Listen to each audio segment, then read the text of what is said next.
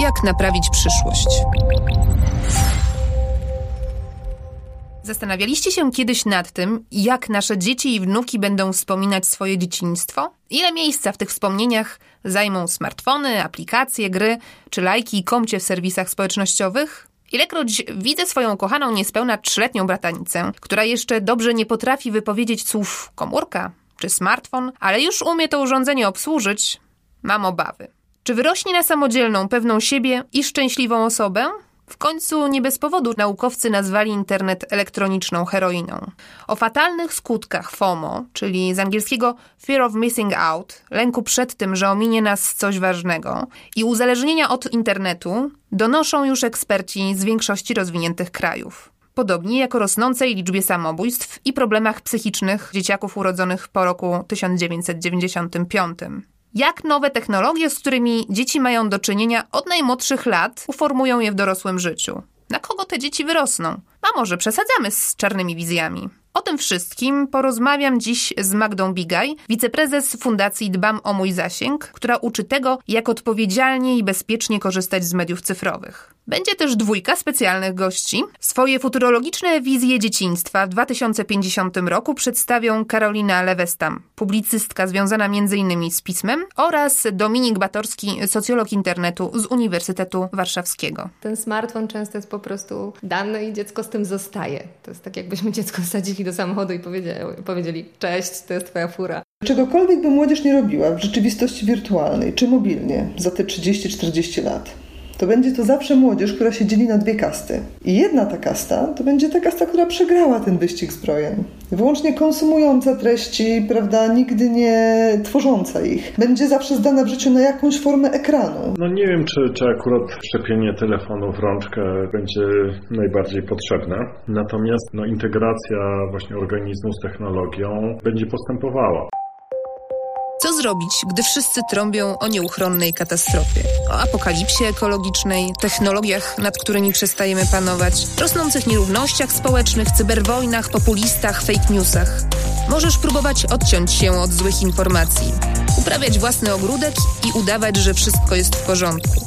Ale możesz też wziąć sprawy w swoje ręce. Naiwność? Być może, ale wolę wierzyć w to, że działania pojedynczych ludzi mają znaczenie. O tym, jak naprawić przyszłość w duchu filozofii DIY, czyli naszego swojskiego zrób to sam, będę rozmawiać z naszymi gośćmi, ekspertami z różnych dziedzin. Postaram się też namówić ich do tego, by weszli w buty futurologów i spróbowali opisać, jak będzie wyglądał interesujący nas wycinek rzeczywistości w 2050 roku. Nazywam się Barbara Sowa i w imieniu magazynu Pismo zapraszam do słuchania podcastu. Materiał jest częścią cyklu Jak naprawić internet, którego mecenasem jest Facebook. Z Magdą znamy się z czasów studiów. I pewnie na pytanie o nasze najbarwniejsze wspomnienia z dzieciństwa mogłybyśmy wymieniać całą litanię haseł, które wywołują ciepełko u przedstawicieli roczników z lat 80. i 90. Zabawy na trzepaku, pierwszy góral, zabawa wzbijaka, kaseta Just Five słuchana na Walkmanie z komunii, gumy turbo, wibowit i klapki kuboty, które nosili wszyscy koledzy w klasie. Ale nie zamierzam teraz zabierać nikogo w taką sentymentalną podróż do przeszłości, ani rozmawiać o tym, jak to nasze dzieciństwo było cudowne, a dzisiejsze przyklejone do ekranów dzieciaki są nieszczęśliwe. Jeśli mamy się przenosić w czasie, to tylko do przyszłości. Zanim jednak do tego przejdziemy, powiedz Magdo, jak trafiłaś do fundacji?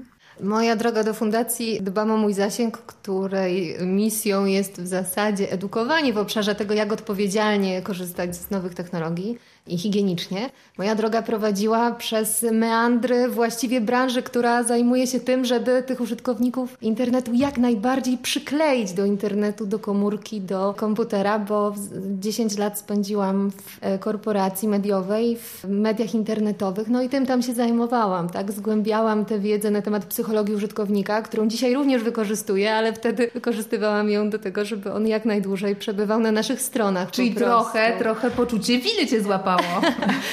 Nie zupełnie. Właściwie do fundacji przyszłam z taką wiedzą, z jednej strony zawodową, którą sobie gromadziłam przez ten czas. Ja przez te 13 lat pracy w mediach internetowych interesowałam się przez cały czas z racji swojego zawodu, zajmowałam się zawodowo komunikacją po prostu. Interesowałam się zmianami w komunikacji, jakie zachodzą wraz z rozwojem nowych technologii, bo zawsze mówię, że kiedy zaczynałam pracę w internecie w roku 2006, to jeśli się nie mylę, internautów w Polsce było chyba coś około 7 milionów. Dzisiaj mamy 28 milionów. To jest ogromny, ogromny przyrost, więc obserwowałam i pojawienie się naszej klasy, i śmierć grona, i wejście Facebooka, i to, jak ten Facebook zmieniał nasze zwyczaje, i to, jak rosły budżety reklamowe na internet, i to, jak internet mówił, że prasa umrze, a prasa mówiła, że w internecie to są same dzieciaki i nikt nie będzie tego czytał. To wszystko sobie obserwowałam, więc tę wiedzę, którą zgromadziłam, chciałam w fundacji wykorzystać. A z drugiej strony zostałam mamą, sama na własnej skórze doświadczyłam tego, że nowe technologie są wyzwaniem dla rodziny. Jednocześnie sama z racji pracy, pracując w mediach, pracując z internetem, zajmując się komunikacją, cały czas do tego telefonu jestem przyklejona i też miałam jakąś taką autorefleksję też, co to robi ze mną, z moimi relacjami, z moją uwagą, z moją uważnością, z tym, jak konsumuję treści, co się u mnie zmieniło, czy to mi pomaga, czy nie pomaga i jakie zachowania pomagają jakiś taki balans utrzymać, bo to, na co w Fundacji zwracamy uwagę, to jest właśnie dążenie do tego takiego zdrowego balansu. To znaczy, nie mówimy, że media są złe, że nowe technologie są złe, tylko że należy je odpowiedzialnie po prostu wykorzystywać i wtedy potrafią być naprawdę super. Powiedz mi, czy ty już swojej starszej ośmioletniej córce kupiłaś smartfona? Nie, Marysia nie ma telefonu. Moje dzieci w ogóle nie korzystają z telefonu, nawet naszego, nie korzystają też z tabletu. Nie dlatego, żebym im odmawiała, tylko po prostu nie proszą. Nie używamy tych urządzeń przy nich jakoś nadmiernie. Czasami oczywiście robię zakupy przez internet albo coś sprawdzam, albo im pokazuję zdjęcia, widzą, że z tego korzystamy, ale nie jest to na tyle obecne w domu, żeby one chciały i ten czas w domu spędzamy inaczej. Tak było od zawsze i to trochę z wygody wynikało, ponieważ szybko zauważyłam, że jak jej dam, to ona bardzo często prosi, robi się nerwowa, jeśli odmawia, więc zrobiliśmy detoks i dziecko przestało wołać. Ale Marysia rośnie, ma 8 lat, no i pojawiają się już pytania, że chciałaby mieć telefon, więc ja pytam nie kiedy dostanie. Ja mhm. mówię, że wtedy, kiedy będzie potrzebowała. No a kiedy będę potrzebowała? No myślę, na przykład jak będziesz wracała sama ze szkoły, bo będziesz potrzebowała, żeby być ze mną w kontakcie. No bo do czego właściwie teraz byś mogła tego używać? I rzeczywiście ona mówi, no tak, właściwie teraz nie potrzebuję tego telefonu. No ale jest też tak, że my dużo rozmawiamy o nadużywaniu nowych technologii, o tym, żeby nie korzystać z tego przy stole, na przykład podczas jedzenia i też powiedzmy, że Marysia jest pewnie trochę bardziej wrażliwa na to, zwraca uwagę. Mówi, mamo, zobacz, te dzieci siedzą i patrzą w telefon, a nie są ze sobą. Więc ona też trochę pewnie inaczej do tego już będzie podchodzić. Ja dlatego pytam, ponieważ z badań, które zresztą przeprowadziliście w fundacji, wynika, że ten taki średni wiek, kiedy polski dzieciak dostaje smartfona, to jest 10 lat, dobrze pamiętam? Y, nawet 7-8 nam teraz -hmm. wychodzi. To się przesuwa coraz niżej. -hmm. Właściwie są takie dwa momenty, kiedy dzieci dostają smartfon. Pierwszy to jest, bo zaczynają szkołę -hmm. I drugi to jest komunia oczywiście. No tak, wiadomo, prezent. Miało nie być sentymentalnie, ale nasze pokolenie dostawało rowery albo Casio, pamiętacie keyboardy Casio, tak, Walkmany i takie bajery. No teraz dostaje się smartfona i co gorsze, też nam to wychodzi z badań, ten smartfon często jest po prostu dany i dziecko z tym zostaje. To jest tak jakbyśmy dziecko wsadzili do samochodu i powiedzieli, powiedzieli cześć, to jest twoja fura. Ludzie dają telefon dzieciom bez tłumaczenia, jak z niego korzystać. A to nie jest tylko telefon daj dziecku telefon bez internetu, to prawdopodobnie będzie go zostawiało w biurku. Ale to jest po prostu dostęp do mnóstwa treści. Tak, telefon prostu. jest tylko tak naprawdę narzędziem. To, co jest w środku, to jest. No właśnie, zło czy niekoniecznie, ponieważ ja się tak czasem zastanawiam, czy rzeczywiście znowu nie wpadamy w ten ramolski ton, za który kiedyś ganiliśmy naszych rodziców, że nagle internet i to, co, to, co dzieciak sobie może wstukać na, i znaleźć na smartfonie aplikacje, dostęp do internetu, social media, to jest takie zło. Może jednak niekoniecznie, no ma jednak dostęp do olbrzymich zasobów wiedzy, o których my, i tutaj znowu sentymentalna wstawka, o której my mogłyśmy pomarzyć, e, mając lat 7, 8, 10. Mhm. Nie, my w fundacji bardzo staramy się pilnować, żeby nie wpadać w taki ton, że to jest coś złego. Ja też nie odmawiam dziecku tego dlatego, że to jest coś złego, tylko staram się z nim po prostu spędzać czas. Nie widzę powodu, by po pracy, jeśli mamy dla siebie trzy godziny czasu, żebyśmy go spędzali gapiąc się w ekran po prostu. Więc na pewno nie, nie zachęcamy do demonizowania nowych technologii internetu, smartfona. Nie zachęcamy też do zakazywania, bo to jest zawsze efekt takiego zakazanego owocu, ani do nagradzania, tak? Takie mówienie, super, że masz piątkę, masz godzinę grania w gry więcej. To nie powinno być od tego zależne, bo budzimy takie dziwne skojarzenia u dzieci, że to jest coś, co może być gratyfikacją, na przykład dostęp do tego. Raczej chodzi o to, żeby odpowiedzialnie z tego korzystać. Jestem przekonana i też to przekonanie podbudowuję badaniami, researchem, który stale prowadzimy, że takie dziecko, które dorasta w domu, gdzie są dobre relacje, dobry kontakt z rodzicami, ono będzie korzystało odpowiedzialnie z tego internetu. Jeśli dziecko jest uwrażliwiane na przykład na krzywdę wobec innych, to raczej nie zatrzyma się na dłużej przy streamingu będzie miało jakąś taką autorefleksję, że to jest coś złego i nie będzie chciało w tym uczestniczyć. Więc tak naprawdę u podstaw tego, jak, korzyst- jak dzieci korzystają z nowych technologii, leży, leżą relacje z rodzicami. Ja też, jak myślę czasami o tym, jak analizuję rozmowy, kiedy mówi się o tym, czy dzieci mają problem z nowymi technologiami lub czy nowe technologie są złe, to myślę, że w największym stopniu to problem mają dorośli po prostu. W tym, jak dzieci wprowadzają w coś, co może być dobre albo złe. No właśnie, rozmawialiśmy e, o wieku. Ty nadal ośmioletniej córce jeszcze nie kupiłaś smartfona. Bill Gates swoim dzieciom e, dał po 14, po 14 roku życia. Steve Jobs e, iPada zdaje się, że w ogóle swojej córce nie dał, więc, e, więc jest gdzieś ta świadomość, że powinna być bariera, cenzura wiekowa. Ale to nie wszystko, tak? Zatem powinno być też e, pójść coś więcej niż tylko ta, ta, ta bariera i, i powiedzenie sobie ok, skończyłeś lat, skończyłaś, skończyłeś lat 12, to możesz już dostać smartfona. Bardzo ciekawie zresztą w jednym z artykułów w piśmie na ten temat zacytowaliście jednego z ekspertów, który mówi o tym, że nie pytaj, czy twoje dziecko jest gotowe na telefon, tylko czy ty jesteś na to gotowy. Z tym się zgadzam. Co prawda tym inny, z innymi te, teoriami Weinbergera, jak sprawdzanie dziecku z nienacka tego, co robi w telefonie, niekoniecznie się zgadzam, bo my też nasze dzieci musimy uczyć pewnej odpowiedzialności. No kurczę, my wychodziliśmy na dwór, moja mama myślała, że siedzę na tym trzepaku, a ja byłam trzy kilometry dalej w lesie i ważne było, żeby zdążyć pod dom, jak mama woła obiad, więc te nasze dzieci spędzają ten, to swoje życie też online i nie uważam, żeby taka nadkontrola była dobra. Dzisiaj też dużo mówimy o tak zwanych helikopterowych rodzicach i te nowe technologie dają dużą pokusę. Ale, ale wracając do pytania, jeżeli chodzi o cezurę taką wiekową, to trochę nam WHO pomaga, które ostatnio wydało takie zalecenia, że do drugiego roku życia zero kontaktu z reklamą.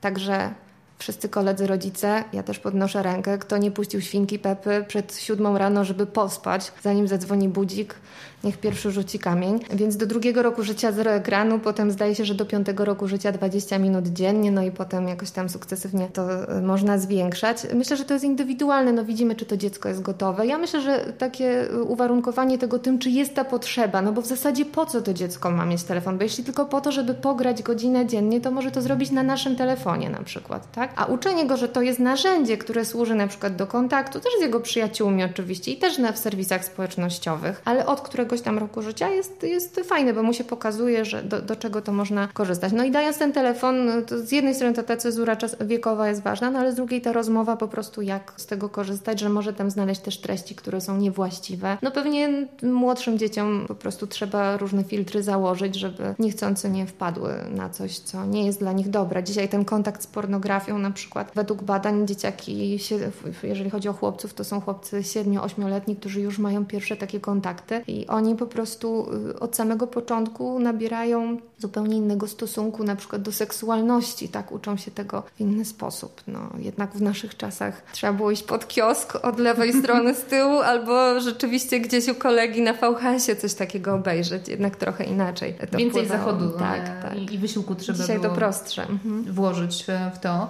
Ponieważ wy badacie już od dłuższego czasu nie tylko dzieci, ale też rodziców pod kątem mhm. użytkowania, styczności i wpływu nowych technologii na, na, na ich życie codzienne. Co Cię zaskoczyło? Kilka takich rzeczy. Mhm. Na pewno zaskoczyła mnie, w ogóle pozytywnie zaskoczyła mnie duża taka samoświadomość dzieci, właściwie młodzieży, no bo my badaliśmy dzieci 12-19 lat, tam od siódmej klasy do końca liceum. Więc duża taka samoświadomość w odpowiedziach na pytanie, na przykład, czy uważam się za osobę uzależnioną. Tam sporo dzieci się, sporo dzieci właśnie, no, sporo młodzieży uważa się za taką osobę uzależnioną, bez względu na to, co oni przez to rozumieją, ale to pokazuje jakąś taką właśnie taką autorefleksję, czyli widzę, że mam jakiś problem, że kilkadziesiąt razy dziennie sięgam po ten telefon, no bo on jest, jestem ciekaw i ciągle tam coś chcę sprawdzić. Więc dla mnie to było pozytywne, że to jest tak, że oni widzą problem.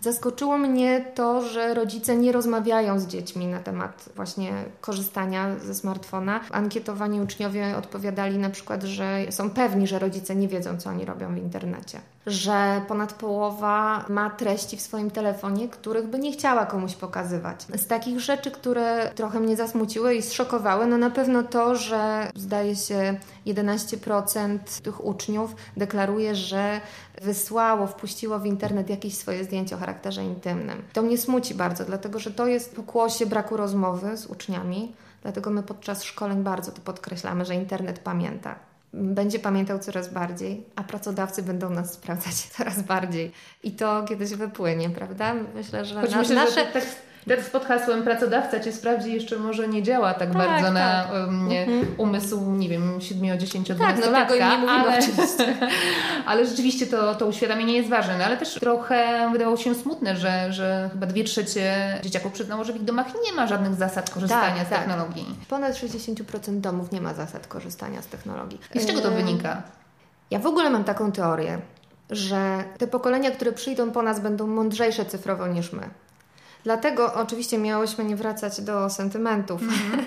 ale pamiętasz jak było na studiach, że się czekało pod salą komputerową na internet, nosiło się dyskietki przy sobie, albo pamiętacie dźwięk modemu, który nam wyłączał telefon w domu, albo w, w akademiku, żeby się wpiąć, to pokój wcześniej musiał się wypiąć z internetu. I nas ten dostęp do internetu nam się objawił jako, jakieś ta, jako jakaś taka totalna cudowność. Globalna wioska, o której nas uczono na studiach, myśmy ją zrozumieli właśnie jak nagle internet był wszędzie i w ogóle w komórkach, w kieszeni. I weszliśmy to z takim, jako tacy cyfrowi imigranci, Technooptymiści. Technooptymiści. Przyjęliśmy a priori, że postęp jest dobry. Postęp jest dobry, bierzmy go. I moim zdaniem to, co teraz się dzieje, to, że my dzisiaj rozmawiamy, to, że my jako fundacja mamy coraz więcej pracy w zasadzie, bo tych szkoleń robimy coraz więcej, ludzie sami się zgłaszają, szkoły same się zgłaszają, czyli obserwuję coś takiego, że pojawia się ta refleksja ok, to jest dobre, ale zaczynamy mieć z tym problem. Wy, wy, wypracujmy sobie pewne zasady, pewne mechanizmy,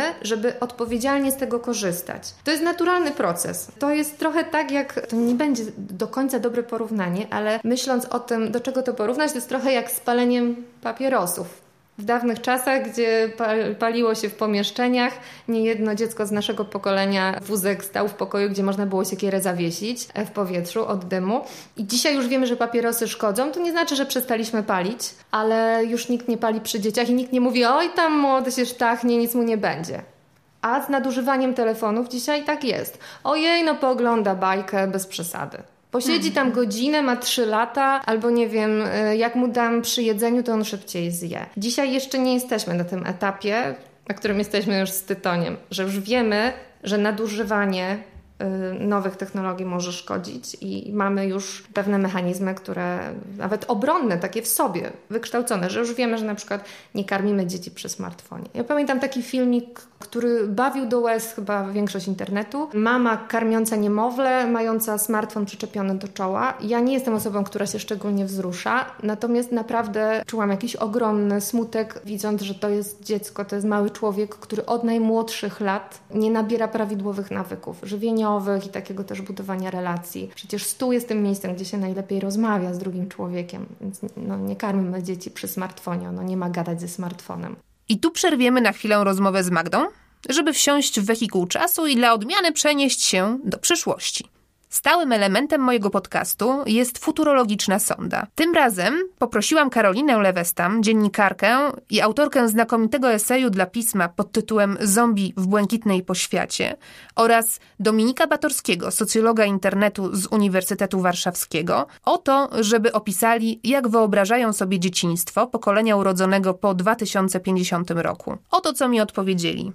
Nasz współczesny świat staje w obliczu wyzwań, które no, bardzo mocno mogą wpłynąć na to, jak to dzieciństwo będzie wyglądało. Tak? To znaczy, co się stanie z kryzysem klimatycznym, mm. prawda? czy będzie jakaś kolejna wielka wojna światowa. Myślę, że jest ileś takich rzeczy, które tą wizję przyszłości mogą bardzo diametralnie zmienić. Natomiast no, przy założeniu, że nie będzie tutaj jakichś wielkich kataklizmów, no to myślę, że też e, no, natura ludzka nie zmienia się aż tak bardzo, tak? To znaczy potrzeby ludzkie, potrzeby dzieci związane z chociażby no, bliskością z rodzicami, z innymi ludźmi, no to są, to są rzeczy, które no, nie zmieniają się w takim wymiarze pokoleń. Tak? Być może i myślę, że do tego 2050 roku rzeczywiście będziemy mieć do czynienia z tą już daleko posuniętą e, cyborgizacją. Cyborgizacją? Czy to oznacza, że wizja, jaką pokazali twórcy brytyjskiego serialu Rok za rokiem, jest właściwie realna? Nastoletnia bohaterka tego serialu tak bardzo marzy o tym, żeby zostać zdigitalizowaną, że już w pierwszym odcinku wszczepia sobie pod skórę dłoni chip pozwalający jej obsługiwać smartfona kolejnych odcinkach proces transhumanizacji nastoletniej Betanii idzie jeszcze dalej. Ja myślę o tym w ten sposób.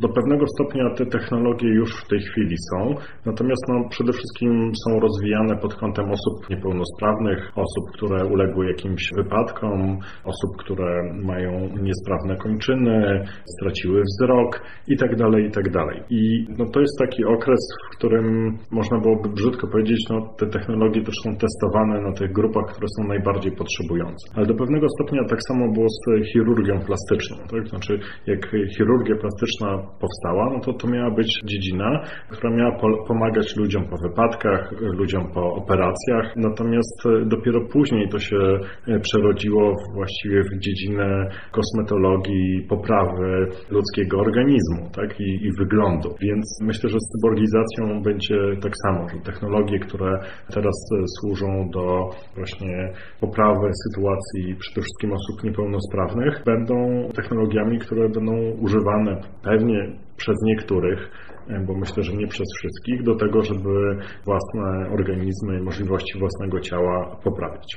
Znaczy, no nie wiem, czy, czy akurat szczepienie telefonu w rączkę to jest no, coś, co będzie najbardziej potrzebne. Natomiast taka no, integracja właśnie organizmu z technologią będzie postępowała, tak? No, być może to będą dzieci, które będą miały jakieś nanorobociki, które krążą po ich ciele i sprawdzają, czy przypadkiem coś tam się nie dzieje i nie trzeba jakiejś interwencji zrobić, tak? No tutaj tych możliwości no tak naprawdę jest no, w tej perspektywie jednak kilkudziesięciu lat bardzo dużo. Karolino, jak będą korzystały z technologii Twoje wnuki?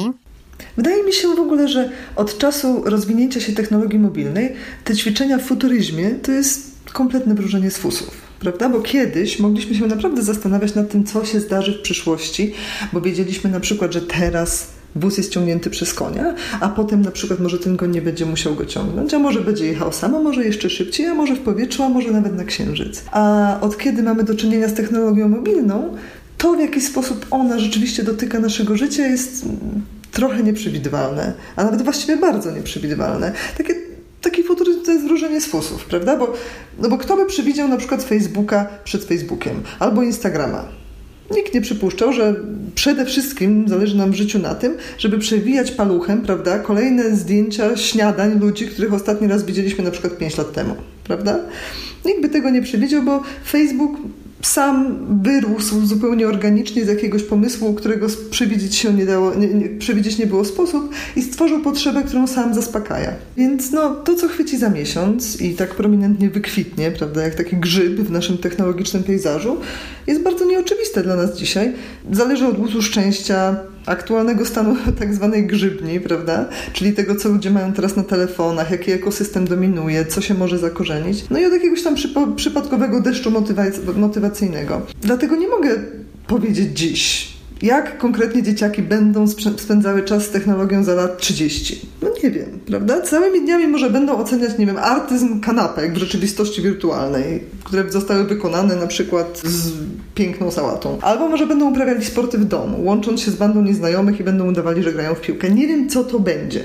Dzieciństwo to nie tylko rozrywki, gry i zabawy z rówieśnikami, ale też nauka. Jak będzie wyglądała szkoła przyszłości?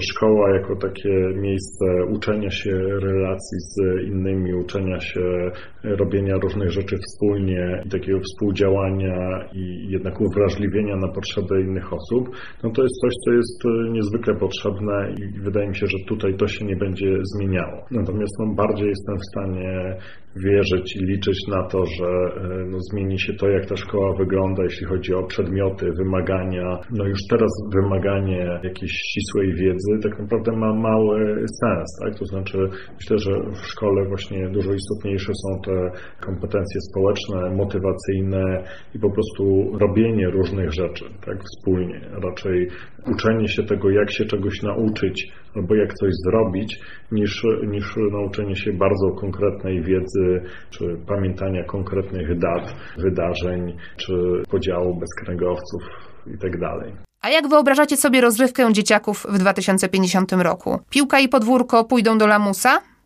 No, to znaczy podejrzewam, że już w tej chwili wtedy będziemy mieć no, też znacznie większe spięcie tej rzeczywistości wirtualnej z, z, z rzeczywistością realną ten dylemat, który mamy w tej chwili, prawda, czy dziecko siedzi w domu przed komputerem, czy biega po podwórku z e, piłką, myślę, że będzie, będzie się zmniejszał. Tak? To znaczy, że będziemy mieć dużo więcej też no, i aktywności fizycznych i takich no, zachowań w przestrzeni, ale że to już będzie jednak ta rzeczywistość zanurzona, ta augmented reality jakoś tam wzbogacona. Tak? Myślę, że tutaj może Pokémon Go był takim pierwszym bardzo popularnym przykładem przykładem rozrywki, gry, która angażuje technologię, no a jednocześnie jest gdzieś tam w przestrzeni. I myślę, że ten trend takiej integracji tutaj różnych przestrzeni, tej rzeczywistości wirtualnej z rzeczywistością realną będzie się też pogłębiał. To, co chcę powiedzieć, to chciałam zacząć od tego, że kiedyś Antonio Garcia Martinez, taki silikonowy insider, Facebook, Twitter, potem autor i publicysta Wired, napisał, że jego wszyscy znajomi z Doliny Krzemowej w takich intelektualnych dyskusjach zajmują się głównie jednym. Jak zapobiec rewolucji, prawda? Jak zapobiec temu, żeby ci ludzie, zwykli, prawda, z tymi przysłowiowymi widłami nie ruszyli na Palo Alto i ich wszystkich tam nie zadźgali. I mają na to zwykle dwie odpowiedzi, że jak są społecznie rozwinięci, empatyczni, to mówią, że UBI, czyli dochód podstawowy gwarantowany, będzie jedną z takich rzeczy, które pozwolą mi uniknąć tej rewolucji. Ale drugi sposób to jest wyścig zbrojen. I ten wyścig zbrojen polega na tym, że albo ten lud przyjdzie, prawda, i będzie nas bił kłonicą i nas dobije, albo my najpierw stworzymy taką wirtualną rozrywkę, która będzie miała tak niesamowicie wciągającą siłę, że nikomu się nie będzie chciało ruszyć z widłami do Kalifornii. I dlatego ja myślę sobie tak, że czegokolwiek by młodzież nie robiła w rzeczywistości wirtualnej czy mobilnie za te 30-40 lat, to będzie to zawsze młodzież, która się dzieli na dwie kasty. I jedna ta kasta to będzie ta kasta, która przegrała ten wyścig zbrojen. Wyłącznie konsumująca treści, prawda, nigdy nie tworząca ich. Będzie zawsze zdana w życiu na jakąś formę ekranu. Zawsze to życie będzie dla niej zapośredniczone i tak będzie tą rzeczywistość przeżywało. Nie do, przeżywali będą w ten sposób tą rzeczywistość, nie dotykając jej, nie wyjeżdżając, żeby coś zobaczyć. Nie będą funkcjonowali mięsnie, prawda, w realu, będą funkcjonować wyłącznie w wirtualu, gdzie nie będą się spotykać, prawda, ale będą się kontaktować, gdzie nie, gdzie nie będą sobie mogli kupić czegoś w sklepie, ale będą mogli sobie kupić skin w jakiejś grze. Będą żyli w świecie takiego, takim świecie wymyślonym przez Filipa Dicka, prawda, gdzie taka wirtualna rozrywka może ci jakoś tam zamknąć te oczy zmęczone tą ruiną rzeczywistości wokół ciebie no oni będą od tego ekranu nie do odczepienia, bo poza ekranem, znaczy ekranu używa, słowa ekran używam oczywiście yy, antycypując różne jego formy, wirtualną, mobilną czy wszczepione chipy, prawda? I oni poza tym ekranem nie będą mieli nic. I tak sobie to wyobrażam, że tak jak kiedyś, niegdyś, prawda, ta podklasa ludzi była tak niemalże wradzana już w fabryki, żeby tam pracować, tak teraz tą podklasę ludzi będziemy po prostu tak wradzać od razu przed jakiś ekran. A ci bogatsi, tam lepsi, piękniejsi też będą korzystali z technologii, prawda, przy całej masie różnych rzeczy, ale oni będą korzystali inaczej, bo oni będą wdrożeni w procesy, które higienizują tę zależność od ekranu. I oni naprawdę będą sobie mogli pojechać w jakieś góry, prawda? Czy spotkać się na kawie w mieście. To życie realne stanie się zarazem taką formą snobizmu, no i też yy, jakąś tam receptą na zdrowie, prawda? Społeczne, fizyczne i psychiczne. Czyli innymi słowy, ta technologia, wydaje mi się, będzie dla przyszłych pokoleń troszeczkę jak alkohol, że niektórzy będą go musieli nałogowo żłopać, żeby zapomnieć, prawda? Zapomnieć o tym, co się wokół nich dzieje i jakie ich życie jest bez sensu i nie będą mieli innego wyjścia, będą musieli to robić. No a inni, prawda, będą sobie pili lampki, winka do obiadku, czyli będą mieli dostęp do, do technologii i, i będą jej bardzo chętnie używać, ale będą też mieli dostęp do strategii i środków, które ten nauk temperują i czynią z niego coś dobrego i być może nawet pięknego. Jak naprawić przyszłość? A ty, Magdo, czy jesteś optymistką, myśląc o 2050 roku? Technologie zniszczą dzieciństwo naszych wnuków? Nie jestem pesymistką, o tak powiem. Mhm. Myślę też, że w ogóle futurologia y, snuta na podstawie naszych doświadczeń, przy tak wielu zmianach, żyjemy w czasach permanentnej zmiany, jest w ogóle obarczona błędem na, na starcie, ale rozumiem ćwiczenie, więc ale tam do niego tak. podejdę, zabawię się w to. No niewątpliwie te nowe technologie będą przenikały coraz więcej dziedzin naszego życia, to jest pewne. Na pewno to doprowadzi też do wykształcenia nowych zawodów i rynek pracy będzie inaczej wyglądał, a praca ma fundamentalny wpływ na to, jak funkcjonujemy i więc będzie miała wpływ na rodzinę, na to, jak rodzina funkcjonuje. Moim zdaniem, y, znaczy jestem optymistką o tyle, że jestem przekonana, że po prostu wykształcimy pewne takie wzory współżycia z nowymi technologiami. To będzie konieczne. No nie wierzę, że nas opanuje jakiś totalny obłęd, otoczymy się sztuczną inteligencją. Co prawda y, Maciej Dębski z fundacji żartuje sobie, że o, jego zdaniem to dzieci będą nawiązywały relacje z lodówką. Ja tak jednak nie myślę. Myślę, myślę że Maciej też sobie bardziej żartuje niż mówi mówi poważnie. Jestem przekonana, że, że to dzieciństwo może być nawet pod względem tego obcowania z nowymi technologiami trochę lepsze niż to dzieciństwo naszych dzieciaków dzisiaj.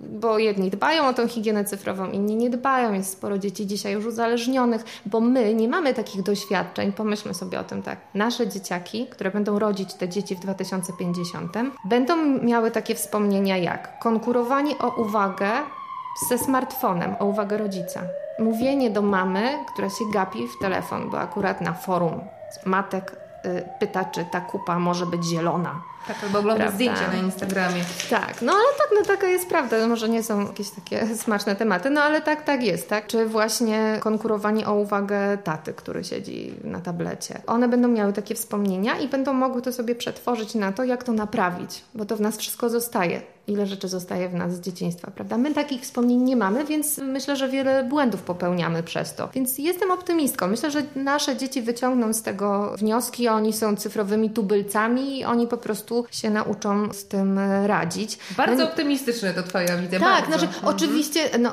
nowe technologie będą nas otaczały coraz bardziej, tak jak powiedziałam, ale wierzę w to, że te pokolenia się odnajdą. Będziemy mieli większy problem moim zdaniem z kryzysem klimatycznym, tak? Ja tutaj się zgadzam z Hararim. Wiem, że on jest jakoś tam ma mnóstwo fanów, ja go nie uważam za wizjonera, ale uważam, że ma gość talent y, syntezy, więc on bardzo fajnie powiedział, że science fiction dzisiaj popełnia podstawowy błąd, bo, bo skupia się na jakiejś walce ludzkości z robotami, ze sztuczną inteligencją, a, a to nie to będzie problemem, raczej problemem będzie to, to, że mamy, czeka nas kryzys klimatyczny i że raczej będzie walka pomiędzy elitą, która ma dostęp do różnego rodzaju dóbr, a całą resztą społeczeństw, która będzie cierpiała cierpiała różnego rodzaju niedobory. Myślę, że to jest większym problemem, tak? Na pewno nas czekają migracje, bo tak na koniec dnia to my po, bez względu na to, iloma nowymi technologiami się otoczymy, to sorry, ale jesteśmy po prostu organizmami żywymi.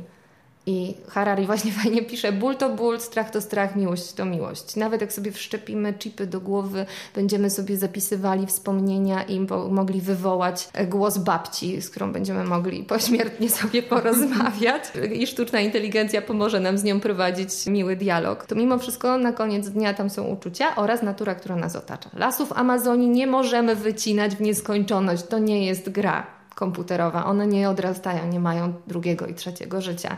To wpłynie na nasze życie, bez względu na to, czy jesteś z prawicy, lewicy, czy jesteś ekologiem, czy uważasz, że przecież powietrze zawsze śmierdziało. To się po prostu za te 30 się, lat stanie. No. Zgodzę no. się z Tobą i pierwszy odcinek naszego podcastu był właśnie poświęcony w dużej mierze zmianom klimatycznym. Natomiast kiedy ja sobie myślę o dzieciństwie w przyszłości, tak, w tym 2050 roku, to jednak bardzo mocno mi się nasuwa ta pokusa, której już dzisiaj ulegamy, a mianowicie pokusa, już wspomniałaś o helikopterowaniu, tak, czyli pokusa śledzenia dziecka, pokusa dbania o jego bezpieczeństwo, ale w taki sposób, że właściwie nie zostawiamy temu dziecku żadnego pola manewru, tak, mm. właściwie wielki e, brat, wielkie oko rodzica patrzy. Już dzisiaj mamy takie mm. problemy.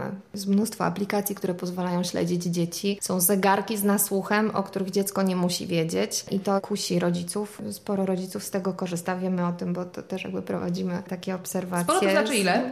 Nie znam danych, ponieważ mhm. jeszcze nie mamy zakończonego badania Cyfrowi Rodzice, który mhm. jest kolejną edycją, kole, dalszą częścią badania Młodzi Cyfrowi. To badanie trwa do końca tego roku. Zachęcamy do wzięcia udziału w badaniu. Trwa pół godziny, ale już samo danie sobie odpowiedzi na te pytania pozwala na to, żeby się zastanowić trochę nad tym, jak sobie radzimy z mediami cyfrowymi. Więc nie chcę podawać liczb, bo, bo tego jeszcze, te, te liczby ankietowanych, którą mamy dzisiaj, nie można jej po prostu Jasne. generalizować, ale widzimy, że ten problem problem jest, że rodzice korzystają nadmiernie z takich możliwości, jak właśnie śledzenie dziecka. No ale to wszystko może być, tak jak mówimy, dobre albo złe. To jest tak samo jak dziennik elektroniczny, który z jednej strony odebrał dzieciom takie prawo do prywatności związane z tym, że dostałem kosę, ale do wywiadówki ją poprawię, tudzież przez trzy miesiące nic nie powiem w domu, potem rodzice przyjdą, będzie kara i jakoś to zniosę. Uczyło to dziecko pewnej odpowiedzialności, Czyli jeśli nie powiem, to czeka mnie problem. Jeśli powiem, to być może ten problem będzie mniejszy. Mhm. Zachodzi o pewne procesy. No ale z drugiej strony ściągnęło to z dzieci taki problem mówienia. Rodzice już wiedzą, dostałeś jedynkę, przychodzi powiadomienie. No to wszystko ma plusy i minusy. Tak samo z tym dostępem do urządzeń śledzących, tak? No to oczywiście nam pomaga, jeżeli dziecko jest małe. Puszczamy dziesięciolatka pierwszy raz samego ze szkoły do domu. Możemy sobie sprawdzić, czy doszedł. To rzeczywiście jest pomocne. Natomiast no ja uważam, no niestety, jeśli chodzi o urządzenia śledzące, ja nie jestem fan nie wiem, jak się zachowam sama, jak Marysia dostanie tego smartfona i będzie musiała wrócić sama do domu, ale mm, dzieci świadome tego, że są śledzone, już zupełnie inaczej będzie się kształtowało ich właśnie poczucie odpowiedzialności i takiego uczenia się samodzielności, brania odpowiedzialności za to, czy coś powiedziałem, czy nie, czy coś ukryłem, czy nie, jakie to przyniesie konsekwencje. My tego wszystkiego się uczyliśmy, mówiąc rodzicom prawdę lub nie mówiąc. Budowaliśmy jakieś swoje, swoją dorosłość krok po kroku, taką swoją prywatność szłaś do koleżanki, a aż byście na imprezę tak naprawdę. Dzisiaj to będzie trudne. Find my iPhone na to nie pozwoli. Więc... Dzisiaj, już dzisiaj jest trudne, a w przyszłości myślę, że będzie właściwie niemożliwe. Nie widzisz ryzyka, że wychowamy takie dzieciaki, które właściwie nie będą w stanie się usamodzielnić? Myślę, że części na pewno to dotyczy, ale ja też jestem daleka od takiego mm, rozciągania doświadczeń cyfrowych rodziców z dużych miast, którzy mają najnowszego iPhone'a i są bardzo aktywni w mediach społecznościowych, na doświadczenie całych społeczeństw czy w ogóle społeczeństwa naszego polskiego, bo y, to wszystko zależy też i od majątności rodziny, czy te... To prawda, ale wiesz co, mm. dzisiaj jednak rzeczywiście, zobacz, smartfona można dostać za nieduże pieniądze, mm -hmm. tak? I ten internet też, masz do niego dostęp, mm -hmm. jeśli nie do internetu um, mobilnego, to mhm. podłączysz się do Wi-Fi, więc o, to nie Tak, jest, oczywiście, ale kompetencje takie... cyfrowe -hmm. nas różnią, kompetencje cyfrowe nas jednak różnią I, i myślę, że nie jest tak, że masowo rodzice wszyscy tak doskonale znają narzędzia dostępne za pośrednictwem smartfona, żeby te dzieci inwigilować masowo. Nie sądzę żeby tak mhm. było. O, mój mąż na przykład powiedział, że on się nie zaloguje do dziennika elektronicznego i będzie czekał, aż mu dziecko powie, jaką ocenę dostało. Ale ja jestem zalogowana, to wystarczy. Natomiast y, myślę, że tutaj mamy jeszcze wciąż różny poziom kompetencji cyfrowych, więc nie sądzę, żeby to jakoś masowo teraz się działo. Ja tam wierzę w zbiorowe opamiętanie, dlatego że te relacje, które leżą u podstaw takiego dobro, dobrostanu psychicznego, wierzę w powrót do tych relacji. To znaczy, im będzie gorzej, tym myślę, że że możemy bardziej liczyć na to, że za jakiś czas będziemy obserwować taki powrót właśnie do tego, żeby budować relacje. Teraz jest taka moda wśród młodzieży w Berlinie na przykład, żeby nosić stary telefon, tak zwany dump phone, bez dostępu do internetu, tylko telefon, odbieranie telefonów i SMS-ów, nie jeżdżenie samochodem, tylko właśnie komunikacją miejską, no oczywiście słomki, rezygnacja ze słomek, plastiku i tak dalej. Jestem ciekawa, czy to jest chwilowa moda, czy, czy to rzeczywiście jest jakiś przebłysk tego, że to pokolenie tych cyfrowych tubylców widzi, co się dzieje. I to zaczyna prawda. doceniać te relacje, bo to nam wychodzi w tych badaniach. W młodych cyfrowych to widać, że młodzi widzą relacje, że to jest dla nich ważne, że na przykład nie mówią, używam internetu tylko po to, żeby grać. Przede wszystkim mówią, że są tam w kontakcie z ludźmi, których znają, czyli nie mówią wchodzę tam, żeby kogoś poznać. Mówią pomaga mi to utrzymać relacje z tymi, których znam. I druga sprawa, pomaga mi to dotrzeć do ciekawej muzyki, której inni nie znają, albo pogłębiać ten nurt muzyczny, który mnie interesuje. Czyli w sumie to jest po prostu narzędzie do realizacji też y, pasji. No, to jest pozytywne bardzo, więc ja wierzę, że oni się jakoś tam opamiętają. Skoro wspomniałaś o tych starych telefonach i, i tym trendzie wylogowywania się z sieci, rzeczywiście Rzeczywiście, ja pamiętam nawet chyba ze 2 czy 3 lata temu Nokia powróciła na rynek pod postacią takich starych telefonów. Nie wiem, jak one się sprzedają, chyba niekoniecznie najlepiej. Natomiast przypomniałam sobie taką rozmowę sprzed kilku lat z, Ma z Martinem Lindstromem, to jest guru neuromarketingu.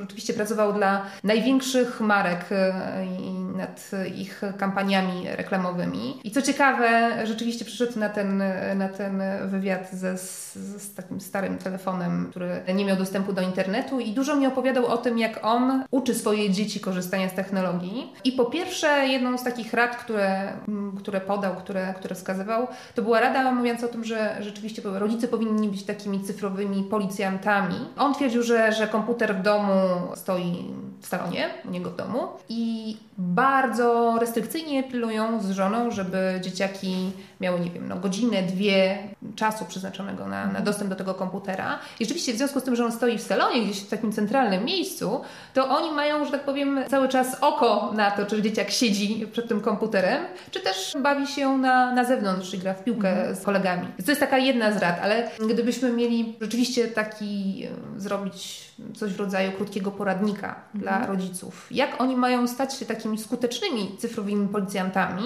mhm. dla swoich dzieci, żeby nie przesadzić, a z jednej strony, żeby zadbać o dobrostan i, i rozwój, rozwój dzieciaka. No my w Fundacji zawsze zachęcamy do stworzenia takiego domowego kodeksu przede wszystkim, wspólnie z dzieciakami, bo to nie jest tak, że my tylko dzieciom mówimy, możesz siedzieć przy komputerze tyle, korzystać ze smartfona tyle, one też muszą widzieć, że my się do tego stosujemy. Budowanie tego już pozwala nam dzieciaki uświadomić, bo jeżeli mówimy na przykład, ile można grać na komputerze, no to sobie możemy o tym pogadać, dlaczego nie dłużej.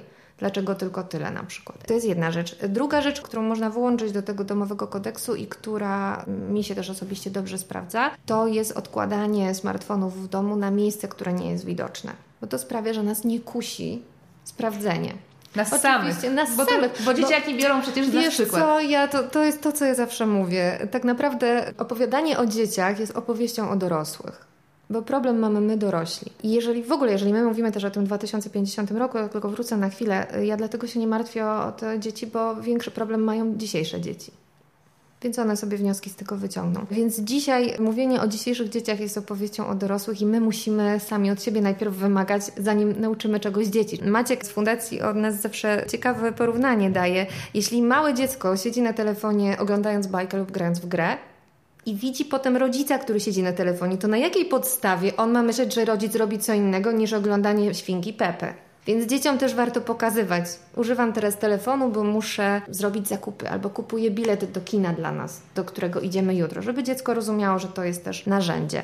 Ten komputer w salonie oczywiście to jest dobry pomysł, bo to też sprawia, że dziecko, które siedzi, czuje też taki pewien dyskomfort w pewnym momencie, że życie się toczy obok niego, on siedzi tyłem. Oczywiście zero korzystania z telefonu przy posiłkach. Wszelkie badania pokazują, że spożywanie wspólnie posiłków świetnie wpływa na relacje, na otwartość, na rozmowę też o problemach filmach, na dowiedzenie się czegoś o domownikach, więc mamy też teraz taką akcję aktualnie, zresztą w restauracjach. Tu i teraz odłóż telefon, włącz relację ze skrzyneczkami na smartfony. Taką skrzynkę można nawet w domu sobie zrobić i to też polecamy. No i przede wszystkim ja myślę, że ważniejsze od tego pouczania dzieci właśnie od kodeksów i tak dalej jest towarzyszenie im, rozmowa z nimi, patrzenie co one przeżywają w tym świecie nowych technologii, bo to, co jest ogromnym problemem dzisiaj w, w dobie takiej rzeczywiście globalizacji, która się stała, jest to, że dzieci dzisiaj mają i młodzież ogromny problem z aspiracjami, bo my dorastając porównywaliśmy się z jakąś skończoną liczbą rówieśników, powiedzmy z dziećmi z klasy, z osiedla czy z, z naszej miejscowości. Dzisiaj, jak dorastasz, to się możesz porównać z każdym. I to może budzić Twoje również frustracje, bo trudno się porównywać z YouTuberem, który zarabia mnóstwo pieniędzy i żyje już na zupełnie innym poziomie niż jego rówieśnik z mniejszej miejscowości, który ogląda wszystkie odcinki jego programu. Dzisiaj młody człowiek porównuje się z całym światem i to może budzić u niego różne frustracje, więc trzeba mu towarzyszyć w tym, obserwować, rozmawiać. On nam powie, jeśli mamy dobre relacje, to on nam powie, co tam sobie przeżywa. Więc to towarzyszenie moim zdaniem jest po prostu najważniejsze. I wtedy będzie łatwiej chyba zaobserwować i dostrzec chociażby pierwsze symptomy uzależnienia, bo rzeczywiście i znów możemy wrócić do tego porównania nowych technologii do papierosów. Bo, bo... Ono nie jest jeden do jednego. Ja się muszę tutaj, ja się, roz... już rozumieją słuchacze, ja się tutaj, co ja miałam na myśli. Ja się tutaj oczywiście uczepiłam tego jednego porównania, bo ono jest bardzo obrazowe, natomiast oczywiście wiemy, że to jest e, takie dość dalekie porównanie, ale jednak no coś w tym jest. No, zdaje się, że e, Peter Wybrow, taki naukowiec i psychoterapeuta z Uniwersytetu w Pensylwanii, porównał internet i, i smartfon do elektronicznej kokainy. I coś w tym jest, bo rzeczywiście. No to działa bardzo podobnie, tak, tak? Smartfon i wszystko, co się w tym smartfonie znajduje, czy też w komputerze, bo teraz już mm teraz właściwie nie, nie rozróżniamy. Smartfon po prostu stał się takim nośnym gadżetem. No ponad po, więcej tak, internautów tak. korzysta z internetu za pośrednictwem urządzeń mobilnych, mobilnych niż tak. komputera. To mm. zdaje się, że miesiąc temu ta magiczna granica została przekroczona, więc dzisiaj właściwie sięgamy głównie po smartfon, chcąc coś sprawdzić. Więc myślę, że myślę, że możemy tak uogólnić mówiąc o smartfonie jako o tym nośniku, także właśnie tych negatywnych tendencji, e, jak chociażby uzależnienie. I ja się zastanawiam, po czym poznać, że, że, że dziecko jest uzależnione, tak? Po czym, jakie mhm. są tego symptomy. Oczywiście istnieją skale, które krok po kroku mogą nas przeprowadzić przez kolejne pytania i tam sobie sprawdzimy na tej skali, czy jesteśmy uzależnieni lub czy dziecko jest uzależnione, czy nie. No ale to wszystko jest kwestią obserwacji po prostu, tak?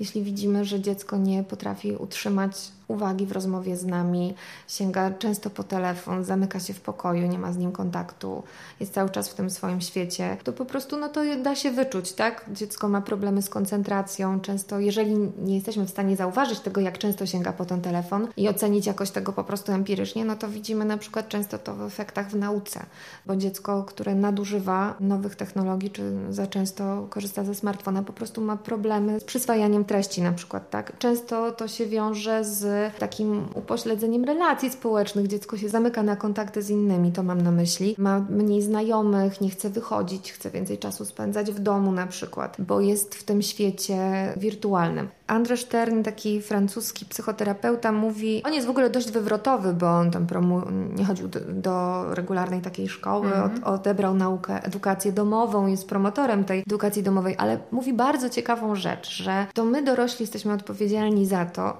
żeby stworzyć dzieciom alternatywę do, dla, dla świata cyfrowego bo on naturalnie jest dla nich bardziej atrakcyjny, bo oni tam mają możliwość autokreacji. Mogą tam być tym, kim chcą. Oczywiście mogą się też narazić na hejt i spotyka ich też cała masa negatywnych rzeczy, ale też cała masa pozytywnych, która sprawia, że ten świat może stać się ciekawszym niż świat offline. Ja myślę, Więc... że to porównanie do elektronicznej kokainy mm -hmm. ma mhm. swoje uzasadnienie, no bo rzeczywiście tam jest biologiczne mnóstwo, tak, prostu. biologiczne, tam jest tak, mnóstwo tak. pozytywnych bodźców, tak? Mm -hmm. Oczywiście e, jest dużo zagrożeń, ale też takiej, takiej nagrody Podstawowa rzecz, rzecz, natychmiastowa gratyfikacja i dopamina. To tak działa po prostu. Coraz więcej też mówi się o tym, że to powoduje problemy z tak zwaną odroczoną gratyfikacją, która jest bardzo ważna. Nauczenie się tego, słynny eksperyment z lat 60. ubiegłego wieku z piankami i marshmallow i to, że dziecko musi się nauczyć, a przynajmniej powinno, powinno. bo to do, jest dobre dla jego rozwoju, takiej odroczonej gratyfikacji. Nowe technologie, smartfon nie sprzyjają temu, bo nas to kusi. Like, strzał dopaminy, komentarz, strzał dopaminy, udało mi się w grze, jest strzał, nie? Cały czas mamy bodźce, które nas pobudzają. Cała gałąź neurobiologii bardzo ciekawe rzeczy na ten temat mówi, więc warto na pewno poczytać, jak internet po prostu wpływa na nas na, biologicznie po prostu, tak? No ale właśnie, pomyślmy sobie, że, że, że postawmy, postawmy się w sytuacji rodzica, która rzeczywiście zaobserwuje te negatywne zachowania. Mhm. Co on ma zrobić? Co taki rodzic ma robić? Czy rzeczywiście już od razu um, gdzieś bukować wizytę u specjalisty? Mhm. Czy zacząć od rozmowy? No przede wszystkim to powinien wejrzeć w siebie, mówiąc tak poetycko, to znaczy zastanowić się nad tym, z czego to może wynikać, co jest powodem. No, czy to jest tak, że powód jest błahy i po prostu koledzy pokazali fajną grę i dziecko chce z niej korzystać, czy jednak chodzi o relacje w domu? Czy my temu dziecku w jakiś sposób oferujemy coś w zamian tego świata cyfrowego? I jak odpowiemy sobie na to pytanie, co leży u podstaw tego, że dziecko coraz częściej korzysta z tego smartfona, to będziemy potrafili znaleźć odpowiedź. No jeśli to oczywiście są sytuacje skrajne, problematyczne i w prasie też coraz częściej opisywane takich uzależnień dzieci, które wymagają po prostu profesjonalnej terapii. I takie terapie są, bardzo często to są terapie całych rodzin, bo nie sądzę, chociaż oczywiście to już jest wyłącznie już moja obserwacja i jakaś y, taka śmiała teza, żeby uzależnione dzieci były w domach, w których nie ma uzależnionych rodziców. Raczej to jest problem, który dotyczy całej rodziny najczęściej e, lub jakichś kilku członków przynajmniej. Więc no tak, oczywiście są sytuacje, kiedy wymagana jest terapia, ale my zawsze zalecamy najpierw znalezienie tej przyczyny, co, co może być powodem, jak wygląda nasz dzień, jak wygląda nasz tydzień, ile my mamy czasu dla dzieci dziennie. Bo dzisiaj dane mówią tak, przeciętny Polak spędza w internecie 6 godzin dziennie. W mediach społecznościowych średnio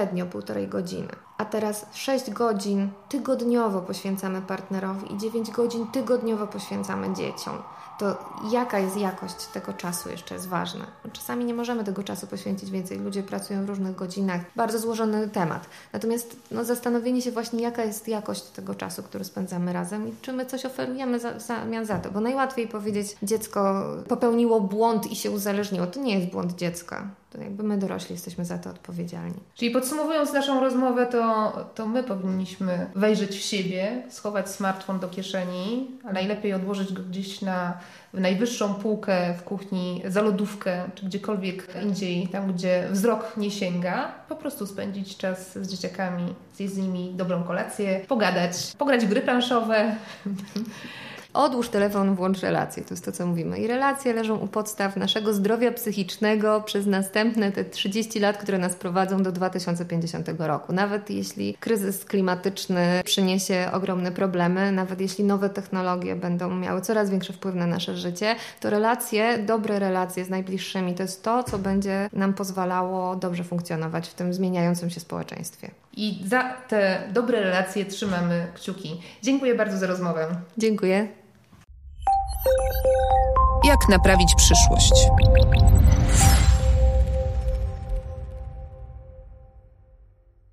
Na koniec poprosiłam Magdę, aby przygotowała zestaw zasad, taki dekalog korzystania z mediów cyfrowych. O czym powinni pamiętać rodzice? Po pierwsze, w świat mediów cyfrowych wkraczajmy wspólnie z dzieckiem. Nie zostawiajmy go z tym, nawet jeśli otrzymuje swój pierwszy telefon jako nastolatek. Po drugie, dziecko do drugiego roku życia nie powinno mieć kontaktu z ekranem. Do piątego roku życia kontakt ten powinien być jak najkrótszy, według WHO nie przekraczający 20 minut dziennie. Po trzecie, dzieci uczą się przez naśladowanie, a zatem obserwują, w jaki sposób rodzice korzystają z nowych technologii. Zmiany zaczynajmy więc od siebie. Po czwarte, nie karajmy ani nie nagradzajmy dziecka dostępem do internetu, komputera czy smartfonu. Po piąte, stwarzajmy dzieciom alternatywę dla świata cyfrowego. Pasja to najlepsza ochrona przed nadużywaniem nowych technologii. Dziecko, które ma pasję, jest mniej przywiązane do smartfona. Po szóste, zadbajmy o kulturę offline w rodzinie. To znaczy, stwarzajmy warunki świadomego bycia poza siecią, takie jak wieczory bez smartfona, spacery czy wspólne spędzanie czasu bez towarzystwa nowych technologii. Po siódme, stwórzmy koniecznie, razem z dzieckiem, domowy kodeks korzystania ze smartfona i internetu, który obowiązuje wszystkich domowników, także rodziców. I po ósme, Dbajmy o relacje. Wszystkie badania potwierdzają, że dobre relacje chronią przed popadaniem w uzależnienia. A więc nasza uważność i więzi w rodzinie pozwolą zauważyć, że dziecko zaczyna mieć problemy z nadużywaniem internetu, gier czy smartfona. Więcej porad oraz domowy kodeks do pobrania i uzupełnienia można znaleźć w serwisie specjalnym Fundacji pod adresem www.domowykodeks.pl. Jeśli macie jakieś pytania, wątpliwości albo pomysły na tematy, które powinniśmy poruszyć na mamach pisma w czasie naszych debat z cyklu Premiera Pisma albo w podcaście, piszcie do mnie w komentarzach albo na adres mailowy barbara.sowa małpa magazynpismo.pl. Słuchaliście drugiego odcinka podcastu Jak naprawić przyszłość. Ja się nazywam Barbara Sowa i na kolejny odcinek zapraszam Was za miesiąc. A teraz odkładajcie smartfona, wyłączajcie komputer i idźcie pobawić się z dziećmi. Do usłyszenia. Jak naprawić przyszłość?